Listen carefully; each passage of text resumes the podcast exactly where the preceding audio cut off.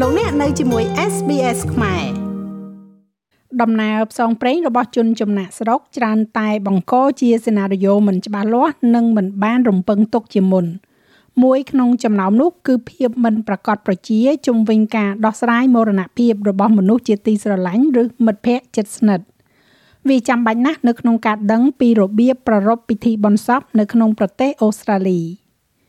ជនអន្តោប្រវេសន៍ថ្មោងថ្មីអាចប្រឈមមុខទៅនឹងស្ថានភាពដ៏លើសលប់នៅពេលដែលមរណភាពដែលនឹកស្មានមិនដល់របស់មនុស្សជាទីស្រឡាញ់បានកើតឡើង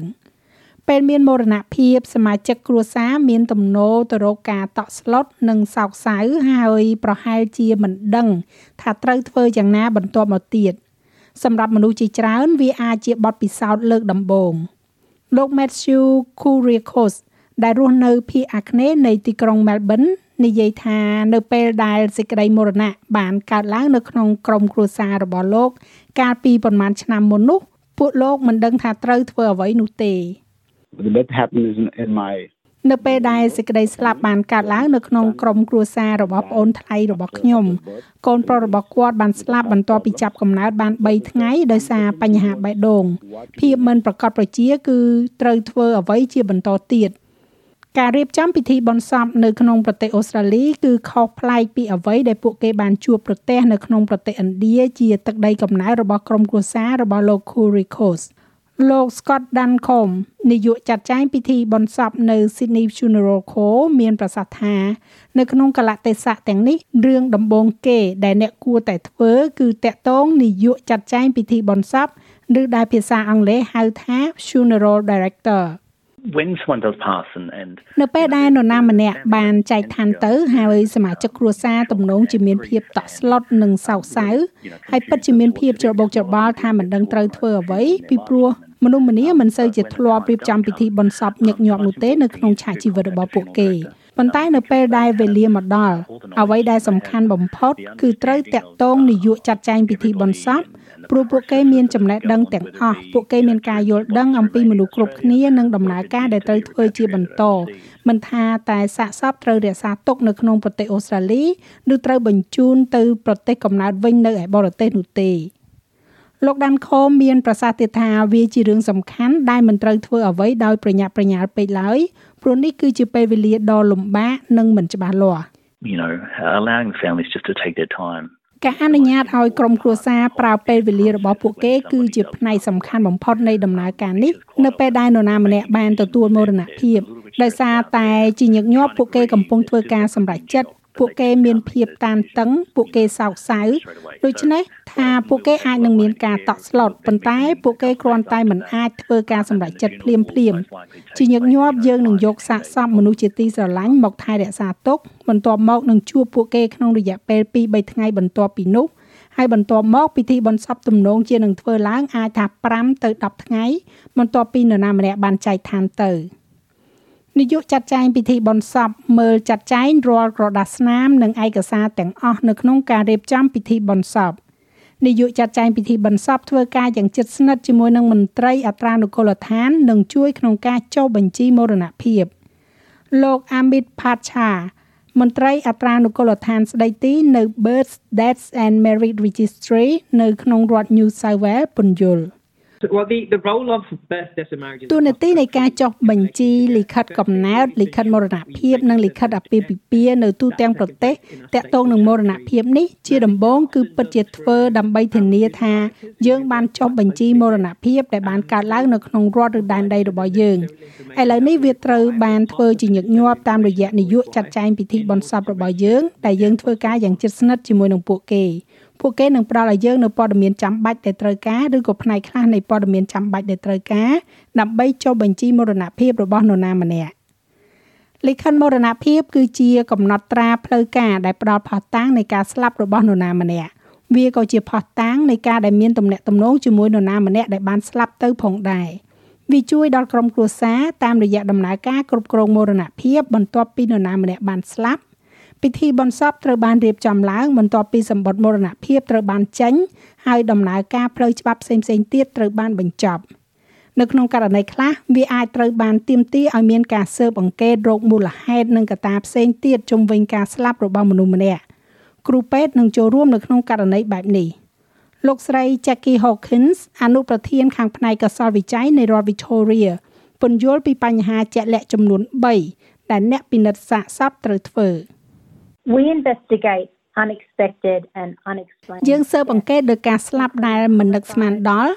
និងមិនអាចពន្យល់បានរួមទាំងការធ្វើឃាតគ្រោះថ្នាក់ចរាចរណ៍ការធ្វើអត្តឃាតនិងការប្រើថ្នាំហួសកម្រិតហើយមានប្រហែលជា7000ករណីក្នុងមួយឆ្នាំមួយឆ្នាំនៅក្នុងរដ្ឋ Victoria ហើយទូនាទីរបស់យើង គឺបង្កើតនៅរឿងជាក់លាក់3គឺអត្តសញ្ញាណរបស់អ្នកស្លាប់មូលហេតុនៃការស្លាប់និងកលៈទេសៈតកតងនឹងការស្លាប់ នៅពេលដែលអ្នកធ្វើកសលវិច័យចូលរួមអំឡុងពេលនៃការរៀបចំពិធីបុណ្យសពអាចប្រែប្រួលទៅតាមការធ្វើតេស្តផ្សេងផ្សេងដែលអ្នកពិនិត្យសាកសពត្រូវធ្វើដើម្បីកំណត់ពីមូលហេតុនៃការស្លាប់លោក Kurikos មានប្រសាសន៍ថានៅពេលដែលនិយាយអំពីការចំណាយនៅក្នុងការរៀបចំពិធីបុណ្យសពវាអាចមានច្រើនលើសលប់ newly migrated family we don't គ្រួសារដែលទៅធ្វើអន្តោប្រវេសន៍មកថ្មីថ្មីមិនមានប្រាក់ច្រើនសម្រាប់ចំណាយសម្រាប់ពិធីបុណ្យសពទេខ្ញុំត្រូវស្វែងរកក្រុមហ៊ុនរៀបចំពិធីបុណ្យសពពី3ទោះបីជាយើងមិនដឹងថាត្រូវធ្វើអ្វីក៏ដោយបន្ទាប់មកពួកគេបានណែនាំថានេះគឺជានីតិវិធីអ្នកត្រូវសួរថាតើពិធីបុណ្យសពនឹងធ្វើបែបណា សេវាអ្វីដែលពួកគេផ្ដល់ជូនខ្ញុំបានទូរស័ព្ទទៅខាងសេវាបុណ្យសពពី3កន្លែង នាយកចាត់ចែងពិធីបុណ្យសពតាក់ទងយ៉ាងជិតស្និទ្ធជាមួយនឹងសមាជិកគ្រួសារសពដើម្បីស្វែងយល់ពីតម្រូវការជុំវិញការរៀបចំពិធីបុណ្យសពពួកគេជួយនៅក្នុងការស្វែងរកការរៀបចំពិធីបុណ្យសពដែលសមស្របនិងមានតម្លៃសមរម្យសម្រាប់គ្រួសារលោកដាន់ខមពន្យល់ពីប្រភេទនៃពិធីបុណ្យសព There's burial, there's cremation, all មាន different ការបញ្ចុះសពមានការបូជាសពគ្រប់ប្រភេទខុសៗគ្នានៅក្នុងនោះផងដែរហើយវាអាស្រ័យទៅលើគ្រួសារថាតើពួកគេចង់ជ្រើសរើសធ្វើបែបណាហើយអ្វីដែលមនុស្សជាទីស្រឡាញ់របស់ពួកគេចង់បានឬប្រហែលជាអ្វីដែលជាវប្បធម៌ឬក៏ជាទំនៀមទម្លាប់របស់ពួកគេពាក់ព័ន្ធទៅនឹងប្រភេទផ្សេងៗគ្នានៃពិធីបុណ្យសពនេះលោកស្រី Jackie Hawkins អនុប្រធានផ្នែកកសលវិច័យនៃរដ្ឋ Victoria បាននិយាយថា នៅពេលដែលមានពាក់ព័ន្ធទៅនឹងការពិនិត្យសាកសព វិធានការផ្សេងផ្សេងៗគឺធ្វើឡើងដើម្បីគ្រប់គ្រងសហគមន៍ពហុវប្បធម៌រួមបញ្ចូលទាំងការបញ្ជូនបន្តសម្រាប់ការប្រឹក្សាយោបល់អំពីមរណទុក្ខរបស់ពួកគេផងដែរ every family is provided with a brochure គ្រប់គ្រួសារទាំងអស់ទទួលបាននៅខិត្តប័ណ្ណដែលគេហៅថាអ្វីដែលកើតឡើងនៅពេលនេះហើយវាត្រូវបានពន្យល់ជាភាសាអង់គ្លេសបែបសាមញ្ញសាមញ្ញដំណើរការរបស់យើងនៅក្នុងន័យ ងាយងាយហើយឯកសារនេះនិងឯកសារមួយចំនួនផ្សេងទៀតរបស់យើងអាចរកបាននៅលើគេហទំព័រ Coroner's Court ឯកសារមួយចំនួនត្រូវបានបកប្រែជា15ភាសាដែលប្រើប្រាស់យ៉ាងទូលំទូលាយបំផុតក៏មានតម្រូវការតាក់ទងទៅនឹងទឹកតការផងដែរអាស្រ័យទៅលើទឹកតការរបស់អ្នកស្លាប់ឯកសារពាក់ព័ន្ធត្រូវរៀបចំដើម្បីប្រគល់ទៅស្ថានទូតនៃប្រទេសដើមកំណើតរបស់អ្នកស្លាប់ លោកដាន់ខូមមានប្រសាសន៍ថានាយកចាត់ចែងពិធីបុណ្យសពធ្វើការយ៉ាងជិតស្និទ្ធជាមួយនឹងស្ថាប័នផ្សេងផ្សេងៗដើម្បីធានា ថារឿងនេះត្រូវបានអនុវត្តដោយសមរម្យ when somebody does pass. នៅពេលដែលនរណាម្នាក់ចែកឋានទៅឯកសារពាក់ព័ន្ធត្រូវតែរៀបចំឡើងហើយជាក់ស្ដែងត្រូវមានការយល់ព្រមមុននឹងបញ្ជូនសាកសពឬក៏ធាតុត្រឡប់ទៅប្រទេសកំណើតវិញប្រសិនបើសាកសពត្រូវបានបូជានៅទីនេះហើយកប់នៅទីនេះនោះមិនមានដំណើរការជាក់លាក់នោះទេបើតាមទស្សនៈរបស់នាយកចាត់ចែងពិធីបុណ្យសព ដើម្បីផ្ដល់យោបល់ដល់ស្ថានទូតអីបែបនោះដូច្នេះប្រសិនបើក្រុមគ្រួសារបានជ្រើសរើសថាពួកគេមិនមានលទ្ធភាពនាំយកសាកសពត្រឡប់ទៅផ្ទះវិញទេហើយពួកគេនៅទីនេះនៅក្នុងទឹកតការទេសចរឬក៏ពួកគេនៅទីនេះតាមលក្ខខណ្ឌទឹកតការធ្វើការងារដូច្នេះក្រុមគ្រួសារនឹងប្រោលយោបល់ដល់អាជ្ញាធរជាផ្នែកនៃដំណើរការបន្ទាប់ពីការបញ្ចុះសពនិងបូជាសព បន្ទាប់ពីមនុស្សម្នាក់បានទទួលមរណភាពចាំបាច់ត្រូវតែជូនដំណឹងទៅកាន់ស្ថាប័ននិងអង្គភាពពាក់ព័ន្ធសេវាកម្មជូនដំណឹងមរណភាព DNS របស់អូស្ត្រាលី គឺជាវេទិកាមួយ ដែលជួយជូនដំណឹងដល់អង្គភាពជាច្រើនអំពីការស្លាប់របស់មនុស្សម្នាក់លោក Padia ពន្យល់អំពីរឿងនេះ